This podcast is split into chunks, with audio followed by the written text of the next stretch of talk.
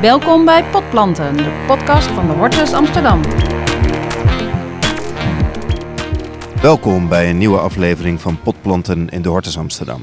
Mijn naam is Janja Pubeek en ik sta met Arend Wakker, bioloog en rondleider bij de Hortus Amsterdam.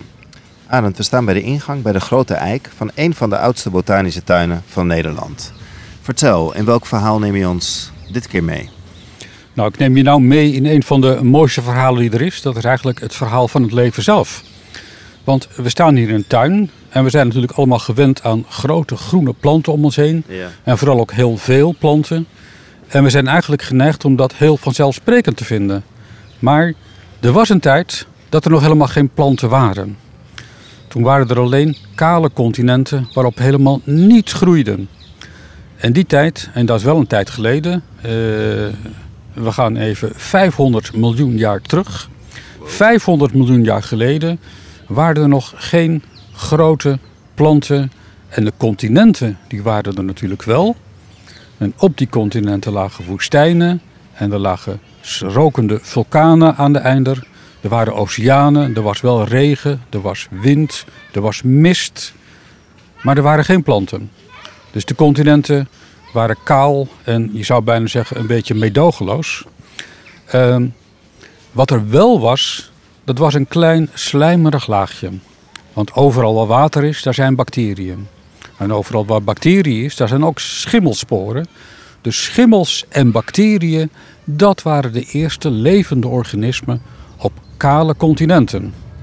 Eh, nou is dat een heel erg eh, ver van mijn bed eh, verhaal, zou je zeggen. Maar als we nou eens even naar de stam van de eik gaan kijken waar we onder staan. Want een eik begint natuurlijk als een klein eikje en elke tak begint als een klein takje.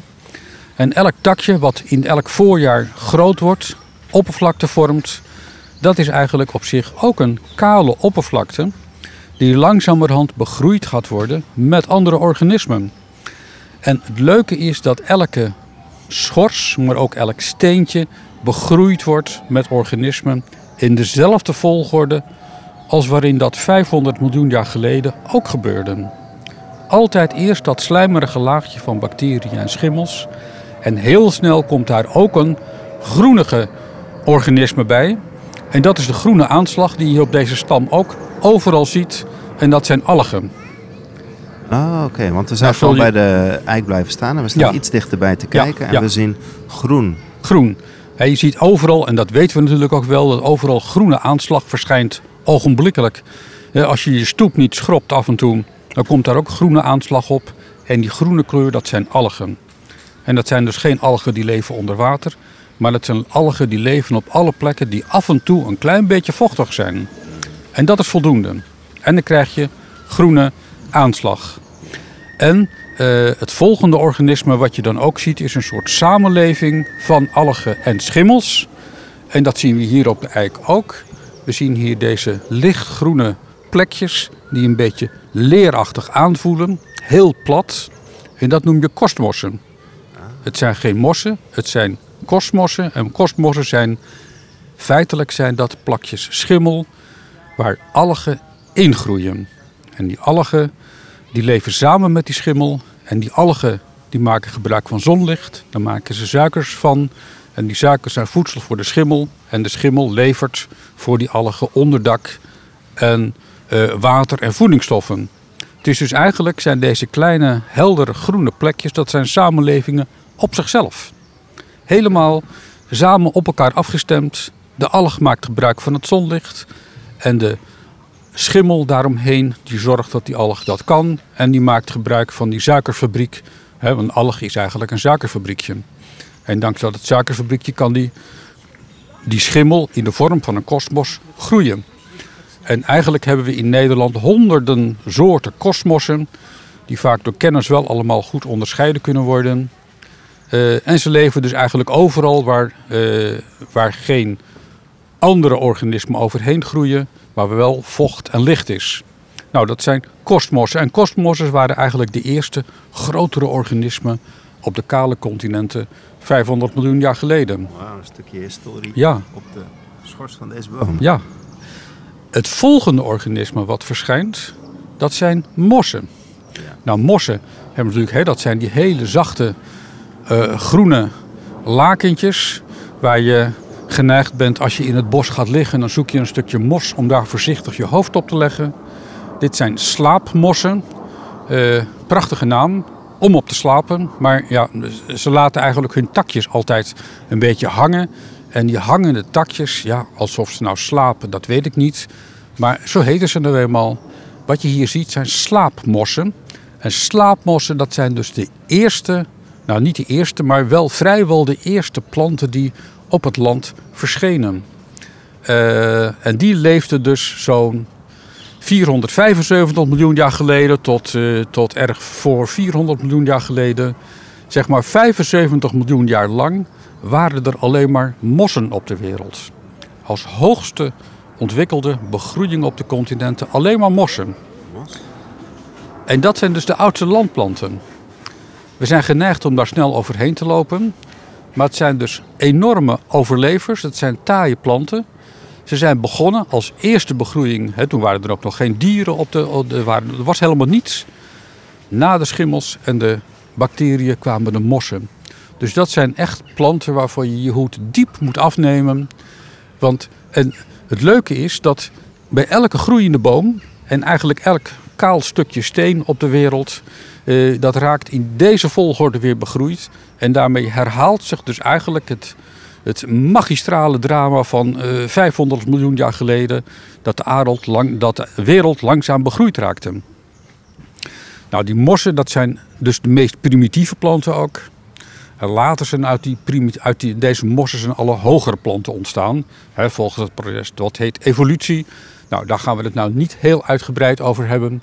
Maar het is leuk om te zien dat dat hele oude uh, drama van vroeger, dat zich dat pal voor onze ogen herhaalt.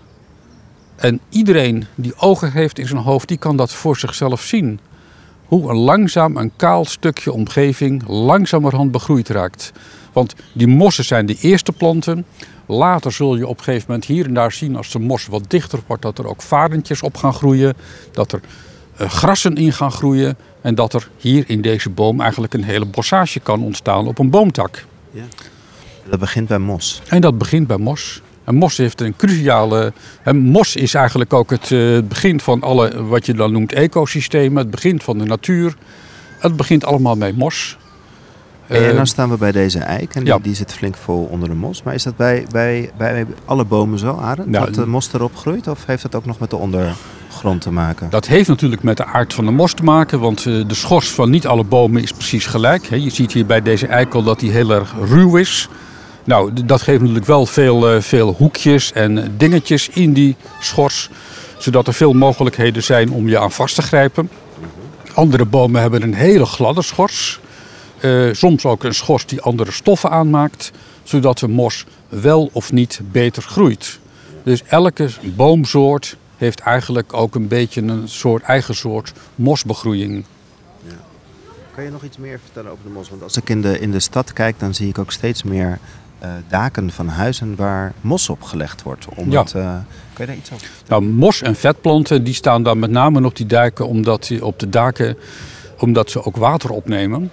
Uh, uh, ze houden het water vast, ze houden het regenwater vast. Nou, we krijgen in de komende decennia alleen maar meer en meer regenbuien. En de gemeente heeft grote moeite om die enorme plassen regenwater die af en toe verschijnen, om die allemaal in de riolen weg te werken. Het zou helpen als het niet meteen al dat water van de daken afglijdt, maar als dat daar een klein beetje blijft liggen. Mm. En dan komt het zowel niet als een enorme plas meteen naar de riolen toe, en voor een heel groot deel verdampt het dan direct van de daken af. Uh, terwijl het verdampt, koelt het de daken en de huizen daaronder ook. En dat is dan de tweede functie van een groen dak. Dus niet alleen maar water vasthouden, maar ook verkoeling. Want uh, we weten allemaal dat het wat warmer gaat worden de komende decennia. Uh, en meer groen in de stad helpt dus om de stad koeler te houden. En dus veel aangenamer. Ja, nou, mooi verhaal. En dan hebben we nog de bloemen. Hè? Daar kunnen ook allemaal bloemetjes op groeien. En allemaal interessante verhalen. We staan nou bij een boom naar het mos te kijken. Zo zou ik later ook gewoon tussen de dakpannen het ook over het mos op de dakpannen kunnen hebben. Ja. Dus het is ook weer leuk, een, een mooie bron van verhalen en een bron van, eh, van, eh, van nieuwsgierigheid. eh. Ja. ja. En het heeft nog steeds een functie. En het heeft nog steeds een functie, ja. Zijn er nog speciale plekken in de hortus waar we behalve bij de, de eik bij de ingang moeten kunnen kijken? Of nodig je de luisteraars uit om bij binnenkomst even stil te staan bij de eik? Ehm, we kunnen nog even naar de, bijvoorbeeld naar de rotstuin kijken, want daar staat een plukje bloeiend mos. Bloeiend mors. Ja. Bloeiend mos. Vind het wel leuk, Ja. om nog eventjes naar het stukje Ja, bloeiende... ja. We lopen om de eik heen. We gaan nu even naar onze rotstuin. Hè, als elke botanische tuin hebben wij ook onze eigen gebergtes, gebergten in de tuin. Nou is het gebergte in onze Amsterdamse hortus niet erg hoog. Het is zelfs geen halve meter hoog. Het is een nou nee, nu ik daar naartoe loop zie ik dat het toch wel maximaal een halve meter haalt. Dus onze bergen zijn een halve meter hoog. Er liggen een aantal rotsen. Ze liggen achter de kleine kastjes. En die rotsen zijn nu allemaal in het voorjaar met mooi groen bedekt. En dat groen is mos.